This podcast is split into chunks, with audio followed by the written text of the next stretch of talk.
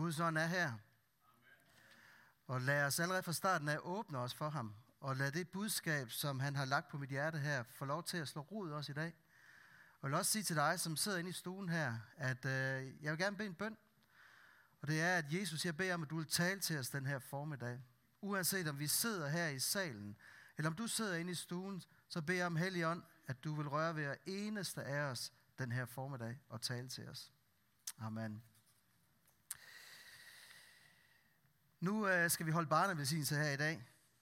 Og øh, det er lidt sjovt, fordi sidste gang jeg talte, så var der to ting, som var øjendrejningspunkter for det, jeg delte dengang. Det var fødsler, og det var kærlighed. Og når vi snakker om barnevelsignelse, så handler det også om fødsler og kærlighed. Og øh, det, jeg delte sidste gang, det var, at øh, jeg pakkede det, der hed Lukas, det 4. Kap- eller 4. kapitel, vers 18 ud, som handler omkring, hvad det er, Jesus han kom til jorden for at gøre. En opgave, som han har overdraget til os mennesker. Og øh, jeg delte også dengang, at Johannes han faktisk pakker de her vers ud i det 13. til det 17. kapitel. Så det er sådan lige konteksten for i dag. Vi kommer til at køre videre på det, og hvis du har lyst til at lige at fælde hele konteksten, så kan du gå ind på vores hjemmeside, og så kan du finde uh, sidste gang, at jeg var på der. Men jeg vil starte med at stille jer et spørgsmål. Kender I det her med, at man synes, man har læst noget i sted, og kan ikke lige huske, hvor det står henne? Er der nogen, der kender det? Åh oh, ja. Der er nogen, der påstår, at det kommer med alderen her. Og sådan havde jeg det også, øh, da jeg forberedte mig til den her gudstjeneste. Jeg havde sådan en sætning, som jeg var fuldstændig overbevist om, at den står i Bibelen. Har I prøvet det? Man har en eller anden over fornemmelse om, at den her sætning her, den øh, må der stå et eller andet sted. Og den sætning, jeg øh, havde i uh, baghovedet her, den lød sådan her, må Jesus vil finde kærligheden på jorden. Står det i Bibelen? Jeg kan godt se, at nogle de er helt sikre, det gør det ikke. Der er også nogle enkelte, der tvivler lidt. Og jeg kan høre, at der er nogen, der er nede i salen. Det er noget andet, han siger. Han siger, Mon, jeg vil finde troen på jorden. Og da jeg fandt det, øh, jeg blev selvfølgelig en lille smule skuffet, fordi jeg tænkte, nu var jeg jo god til at huske men uh, alligevel så blev jeg sådan lidt udfordret. For den her sætning her, den findes i en lignelse, i, uh, hvor Lukas i sit 18. kapitel har en lignelse omkring det, vi i overskriften kalder den uretfærdige dommer.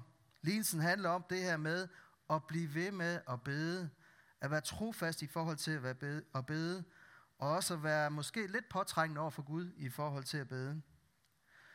Og den her lignelse, den slutter sådan her i vers 8, her, 8, der siger han sådan her, Jeg siger jer, han vil skaffe dem ret, og det er snart, men når menneskesønnen kommer, må han så vil finde troen på jorden.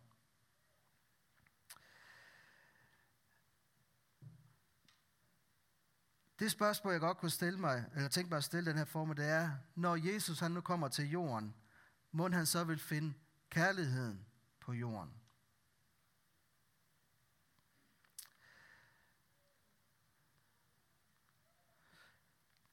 Det kommer til at handle om fødsler senere. Er hun ikke nuttet hende der? Og det kommer til at handle meget om kærlighed. Og det er et budskab, som ikke kun er til jer som forsamling her, men selvfølgelig også til de her to par, som nu hver især står med deres lille guldklump. Med indgang til et liv, hvor det kommer til at ikke længere handle om fødsel, men om kærlighed. Og jeg synes, det var interessant, det Connie hun sagde med, hvad kan vi stemple ind med i forhold til mennesker? Jeg sad også og så det her drama i går, og jeg var berørt. Og øh, det gjorde det ikke nemmere, at jeg er uddannet førstehjælper. Så bare det, jeg så her, så vidste jeg jo lige nøjagtigt, hvad der foregik.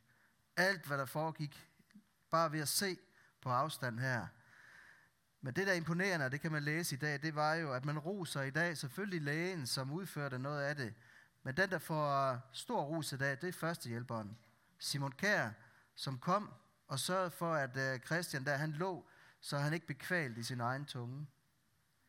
Simon han var førstehjælper, og han blev påvirket af det, så han ikke kunne gennemføre kampen. Og det synes jeg, det var fantastisk, for det viser, at han også er et menneske, som har empati, og som øh, elsker sin ven. Men hvad betyder det at elske mennesker? Og den her, det jeg godt kunne tænke mig at dele de næste minutter her, det er faktisk noget, jeg også har hentet inspiration. Her for nylig, der hørte jeg en fyr, der hedder Brian Johnson, tale i øh, en kirke, der hedder Bethel Church i, uh, i USA. Og han stillede netop det her spørgsmål. Hvad betyder det at elske mennesker? Og den her formiddag, der tror jeg på, at Gud han vil lære os noget om kærlighed. Så det ikke bare er en viden, men noget, der går dybere ind i os end en viden. Er der nogen af jer, der ved, hvad der er forskellen på viden og visdom?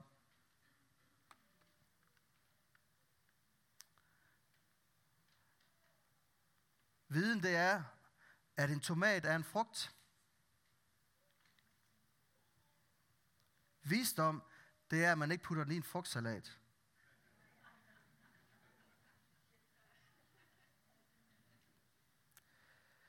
Så i dag så forventer jeg, at Gud han taler til os og giver os noget visdom. På et tidspunkt så taler Jesus med sine disciple.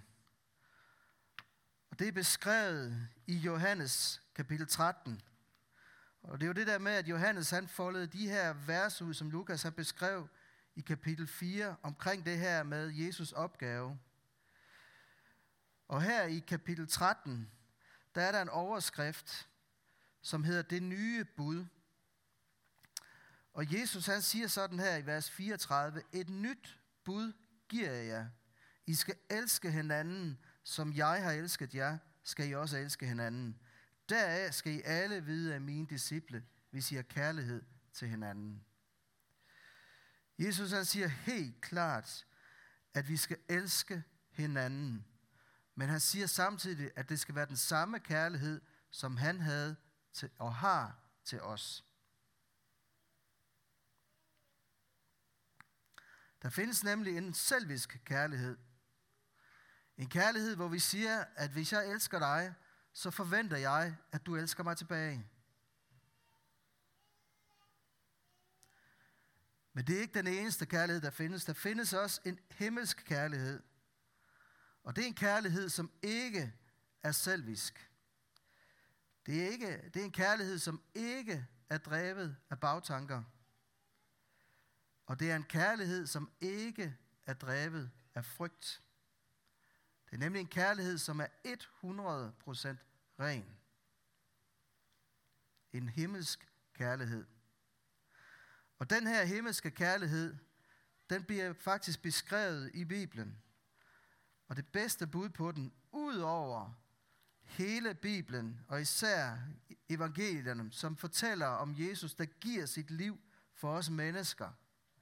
Det er den 100% kærlighed her. Så beskriver Paulusen i sit brev til Korintherne, det første brev, og i kapitel 13. Kapitel 13, det bliver kaldt kærlighedskapitlet.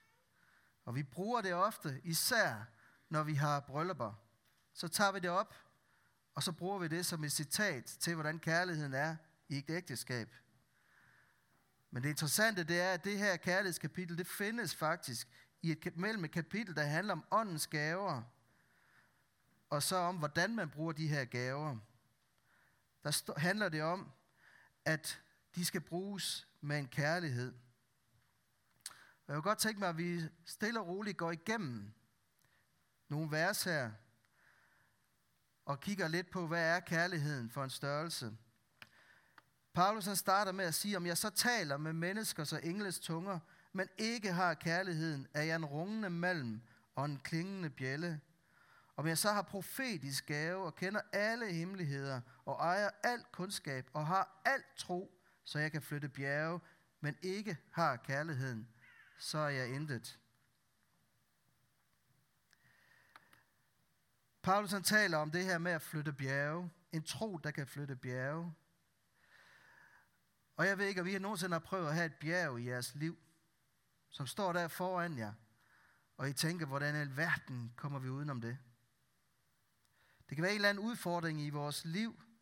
Det kan være et eller andet, der udfordrer os i forhold til vores relationer. Der er mange ting her. Men især det her med relationerne kan være nogle gange nogle bjerge, vi står overfor, hvor vi tænker, hvordan i verden kommer vi rundt om det her. Og de her bjerge, det kan være de her udfordringer i vores liv. Og det, der faktisk er udfordringen ved det her, det er, at hvis vi prøver på at flytte de her bjerge uden kærlighed, så er der nogle gange en fare for, at vi flytter dem over og stiller dem foran andre mennesker. Det vil sige, at det, som vi kæmper med, flytter vi over, så det er andre, der bliver udfordret af det i stedet for. Det sker ikke, hvis vi møder vores bjerg med kærlighed. Paulus han går sådan her videre, og jeg læser fra vers 3 af. Om jeg så uddeler alt, hvad jeg ejer,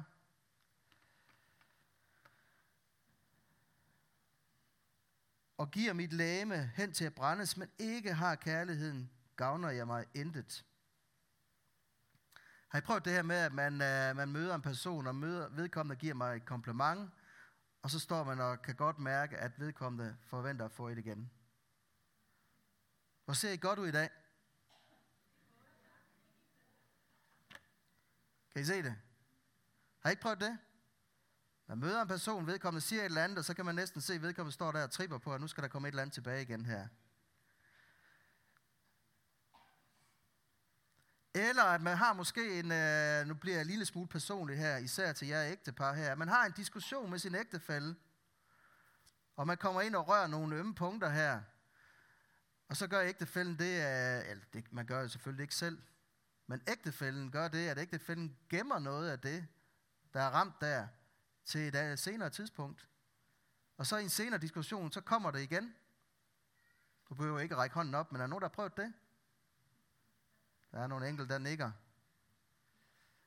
Man holder lidt, måske point med sit, øh, eller regnskab i forhold til sine relationer. Og gemmer det her.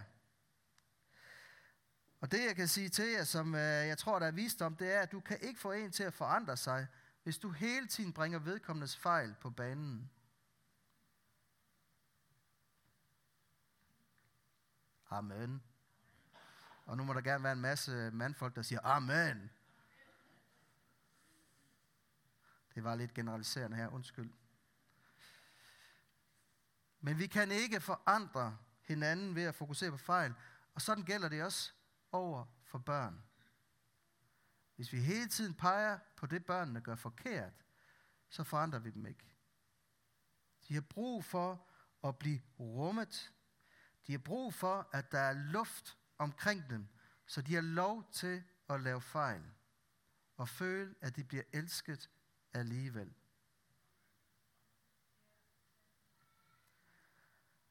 Og sådan gælder det også, når der kommer nye mennesker ind i vores fællesskaber. Vi har været her i mange år. Vi har været kristne i mange år måske, og er vant til at gøre tingene på en måde. Og så kommer der lige pludselig en, som gør det anderledes. Eller måske slet ikke kan finde ud af den måde, vi plejer at gøre det på. Og vi har travlt med at fortælle vedkommende, at det gøres på den her måde i den her kirke. Det er ikke det, de har brug for. De har brug for luft omkring dem. De har brug for, at det er i orden at lave fejl. De har brug for at blive rummet med en kærlighed. Og det bringer videre til det næste, som Paulus han skriver om. Han siger sådan her for vers 4. Kærligheden er tålmodig. Kærligheden er mild. Den misunder ikke. Kærligheden praler ikke. Bilder sig ikke noget ind. Den gør intet usømmeligt. Søger ikke sit eget og hisser sig ikke op og bærer ikke nag. Den finder ikke sin glæde i uretten, men glæder sig ved sandheden.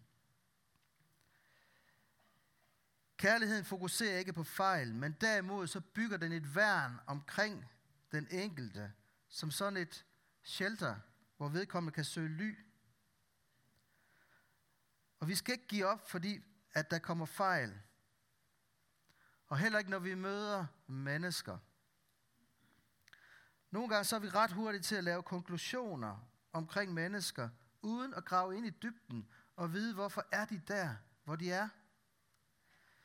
Jeg sad engang med et ægtepar, som, øh, som var blevet skilt, begge to. Og, øh, og de havde mødt fordømmelsen over dette. Og det, der var allerhårdest ved dem, det var, at der var ikke nogen, der tog sig tid til at grave ind i og lytte til dem, hvorfor de havde taget de her beslutninger. Og jeg sad og lyttede på deres historier, og de gav mening.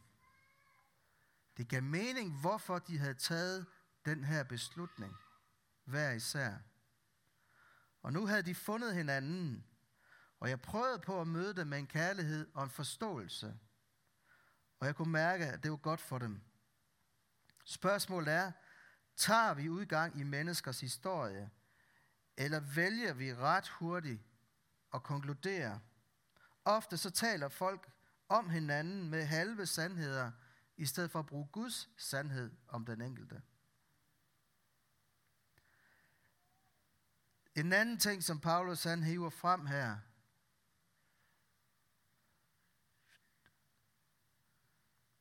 så går den i stå for mig her. Jeg læser det her, så lytter I godt efter. Lytter I godt efter? Tak skal I have.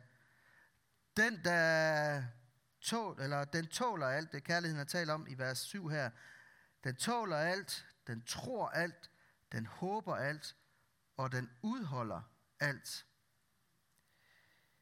Kærligheden giver ikke op. Bedste historie i Bibelen, som jeg synes, det er historien om den fortabte søn. Det er et prototype på en fader. Og det står ikke i Bibelen, men jeg har en naiv tro på, der står, at øh, den fortabte søn her, han går ud, bruger det halve af det faderen, han gav ham, øh, eller bruger det faderen, han gav ham, som var det halve af arven her, til alle mulige ting, som ikke passede med faderens værdier. Han lavede fejl, masser af fejl. Han forlod sin familie for at realisere sig selv. Og da han finder ud af, at det her det holder ikke, så søger han tilbage til familien. Og der står i Lukas evangeliet, at faderen så ham på afstand og løb hen imod ham. Og jeg har sådan en tro på, at hver dag, så gik faderen ud og spejtede efter sin søn og spurgte sig selv, er det i dag, han kommer hjem? Kærligheden giver ikke op. Vi mennesker, vi er fattige, fordi vi har kun ét ord for kærlighed. Men Bibelen har faktisk hele fire ord for kærlighed. Er I klar til at høre dem? Er I vågne? Okay. Den første, den hedder Eros. Og den beskriver den erotiske, romantiske kærlighed, især omkring det seksuelle. Og nogle gange så forveksler man det, som om, at det er bare kærligheden. Det seksuelle. Det romantiske. Og det er en vigtig del af et, et ægteskab. Det er en vigtig del af et ægteskab, men det er ikke det hele. Det er så fantastisk, at Gud har skabt os mennesker, sådan at børn bliver født ind som en frugt af en kærlighed, der her Eros. Så derfor skal vi ikke negligere det. Men jeg gentager igen, det er ikke det hele. Så findes der en kærlighed, en beskrivelse, der hedder filia. Og det er en mental kærlighed. Det er en kærlighed, som, hvor man giver og tager. Det er en kærlighed, som beskriver dybe venskaber. Simon Kær hjalp Christian Eriksen. Filia kærlighed. Han trådte hen for sin ven, men jeg tror, at det har været frugten af, at de har et dybt venskab sammen. En filia kærlighed. Men det er ikke den eneste. Og så findes der en, som måske giver mening i dag, der hedder storke, som er familiekærligheden. Den kærlighed, som er udøver i en familie. Mor, far, børn, søskende, bedsteforældre. Amen. Den kender jeg, den her. At jeg savner mine børnebørn. at man næsten er nødt til at ringe til dem for at se, hvordan de har det. Selvom det ikke er mere end en uge siden, jeg så dem sidst. Så kunne det jo være, der var sket noget fantastisk i jeres liv, siden jeg så dem sidst. Der er ikke nogen, der føler den, eller hvad? Eller også så svømmer I helt hen, nogen af jer. Men det er familiekærligheden, hvor man elsker at være sammen. Men de her tre typer kærlighed er ikke den største. For der findes en, som er endnu større end alle de tre til sammen. Er spændt på at høre, hvad det er for en? Det er gavekærligheden. Det er den store kærlighed. Den spirituelle kærlighed, som er åndelig. Det er den dybe kærlighed. Det er den alt omfattende kærlighed, som opfatter hele mennesket. Og det er en kærlighed, som handler om at give, ikke om at få.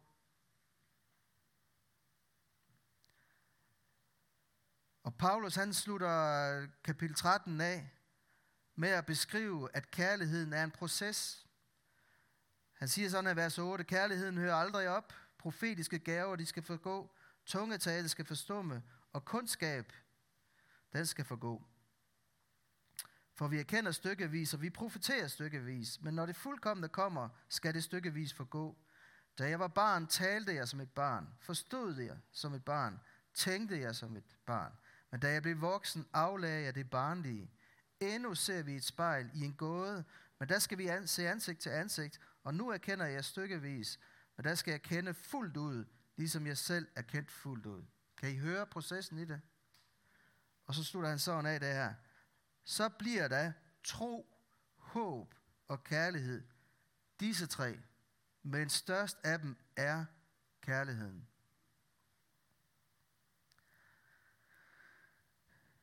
Det er en proces, og det er en del af det at være menneske. Og det er en del af det at vandre i troen. Og så kommer jeg med noget, som måske ikke er særlig opmuntrende her. Det er, at vi undgår ikke den proces, uden at der kommer udfordringer. Halleluja. Er der nogen, der har prøvet udfordringer i deres liv? Er der nogen, der har prøvet udfordringer i deres liv? Det har vi alle sammen. Og det kan være alt, jeg har prøvet at beskrive af det. Det kan være alt muligt. Folk, der behandler os dårligt. Alt muligt.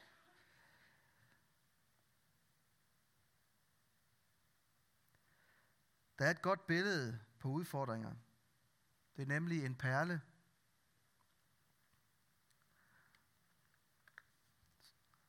Nu har jeg overgivet powerpointen til Helion, eller Andreas. Og jeg kan se, at han følger med her. Tak skal du have, Andreas. Nogle gange så kommer der et eller andet irritationsmoment ind i en øster. Og jeg ved ikke, om der er nogen af jer, der har opdaget, at en øster har ikke arme. Det kan jeg se, at nogen af jer, det var en kæmpe overraskelse. Øster har ikke arme, så den kan ikke gå ind og tage de her ting, der irriterer dem, og smide dem ud her. Så de ligger derinde og irriterer den. Og det, der sker, som er vildt, det er, at i stedet for at dø og så videre her, så begynder den at omgive den her fremmed læme her med faktisk noget meget værdifuldt. Noget af sig selv. Noget, som godt kunne være billedet på kærligheden. Og det her perlemor, det aflejer sig omkring det her irritationsmoment. Og det, der sker, det er, at der på et tidspunkt, så kommer der en smuk perle ud af det her. Så udfordringer er faktisk en del af livet. Åbenbaringsbogen kapitel 21, vers 21, der står der, at Jerusalems porte var bygget ud af én perle. Er det ikke vildt? Er det ikke vildt? En hel port, der er bygget ud af en perle. Og det viser, at der kampe er en del af livet. Vi vil stå over for udfordringer, og det kommer I også til at møde som forældre til jeres barn her. I har allerede oplevet det, nogen af jer. Men der vil være udfordringer i livet. Der vil være udfordringer i det at være en del af familien. Der vil være udfordringer med det lille pus. Og det er ikke kun sygdom. Der kommer også andre ting her. Men det der kendetegn, det er, at når vi står over for udfordringerne her, så skal vi møde dem med kærlighed. Og alt, hvad der kommer imod os, det giver os mulighed for at vokse. I troen og i relationen til ham. Og hvis I har brug for sådan en lille fif til at håndtere det, så er det måske at stille spørgsmål. Det jeg står for nu her, hvad betyder det om tusind år? Eller i evigheden? Vi lever som mennesker meget i nuet og i kort tid her. Men der findes en evighed, hvor det her lige pludselig fortegner eller fortager sig og ikke betyder mere. Det, der betyder noget om tusind år, det, der betyder noget, når evigheden træder ind her, det er vores kærlighed til Gud og vores kærlighed til mennesker. Det er den, der betyder noget, når vi træder ind her. Så vil jeg gerne slutte af med at sige nogle ting her. Det ene det er, at vi kan ikke elske mennesker uden Gud. Vi kan ikke producere agabekærlighed uden Gud.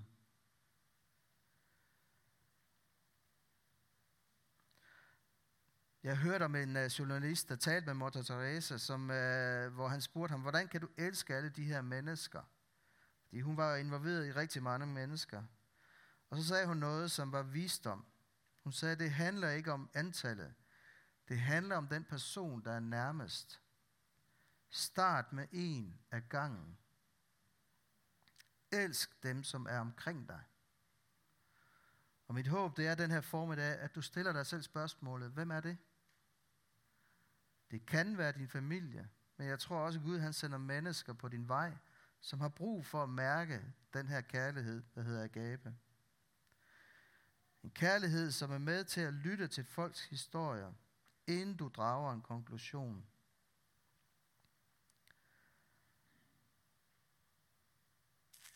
Og Jesus, han var selv praktisk om kærligheden. Han viste sin kærlighed. Han viste agabekærligheden. Han mødte en spedalsk, som var afskrevet af samfundet med kærlighed. Han mødte dæmonbesatte, som var isoleret i samfundet med kærlighed. Han mødte en kvinde, som var grebet i hår, som de var klar til at stene med kærlighed. Og så mødte han også børn med kærlighed. Børn, som på det tidspunkt der lå nederst i hierarkiet, fordi de var jo ikke voksne endnu. Dem mødte han, på trods af at disciplerne brokkede sig, så mødte han dem.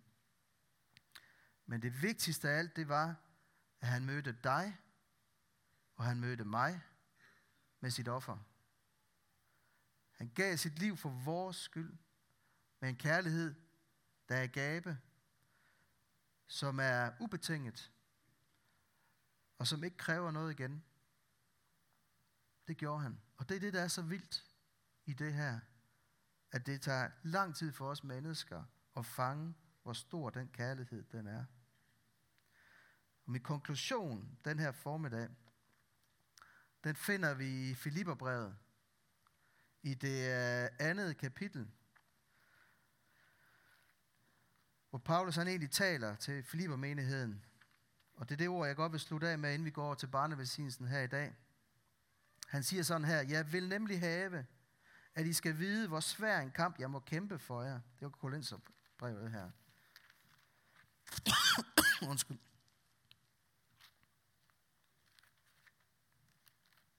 Kan jeg lukke dig selv lige smide vand herop, Connie? Står derovre ved siden af. Paulus han skriver sådan i Filipperbrevet, det andet kapitel, og fra vers 1 af.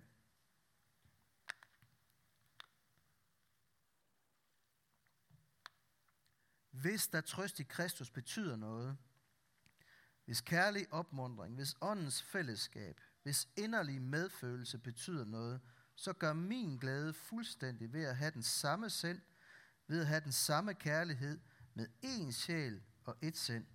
Gør intet af selviskhed og heller ikke af indbilskhed, men sæt jer i ydmyghed de andre højere end jer selv. Tænk ikke hver især på jeres eget, men tænk alle også på de andres vel.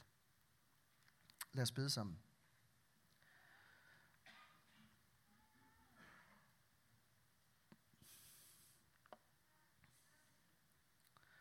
Jeg vil gerne bede om at lukke jeres øjne. Og det er fordi, jeg vil stille nogle spørgsmål herude i salen. Og også til dig, der sidder inde i stuen her. Fordi vi har talt om kærlighed. En kærlighed, som det er muligt at få del i. Og den her rejse og den proces her, den starter med, at man tager en beslutning om, at man ønsker at følge Jesus. Så sidder du derinde i stuen, eller sidder du her i salen, og tænker, jeg vil gerne lære den her kærlighed at kende. Jeg vil gerne opleve den. Så starter den med, at du siger ja til Jesus. Den starter med, at du siger, at det gamle liv uden kærlighed vil jeg vende mig fra og gå ind i et nyt kærlighed med dig, Jesus. Så oplever du det her, så vil jeg bede dig om at række en hånd i vejret. Så vil jeg gerne bede for dig. Ja, Gud velsigne jer. Jeg vil også sige til dig, der sidder og oplever, at den her kærlighed til Jesus, den er blevet kold. Den er ikke længere den agabekærlighed og ikke vokser der. Så er der også mulighed for, at du i dag siger til Jesus, det er det, jeg ønsker. Og så har vi alle sammen brug for at mærke Guds kærlighed. Brug for at opleve i vores fællesskaber. Så kære Jesus, jeg takker dig for hver eneste en af dem, som i dag har taget en beslutning om, at de ønsker at følge dig, Jesus. At de må gå ind i den her omvendelse og vende sig fra det gamle liv og følge et nyt liv med dig, Jesus, som er fuld af kærlighed, far. Jeg beder om, at du rører ved dem lige nu, Jesus, med din fred, Herre. Jeg beder om, at gamle sår må blive lægt, Herre. Jeg beder om, at gamle ting, som ligger i det gamle liv, må blive forfrisket af din kærlighed, far. Og så beder jeg for hver især, som oplever, at den her kærlighed måske er blevet lunken eller kold, at den i dag må blive genopfrisket af din helligånd, far. At den må blive flammet op igen, far, af dig, Herre. Rør ved os lige nu, far. Rør ved os med din kærlighed, far.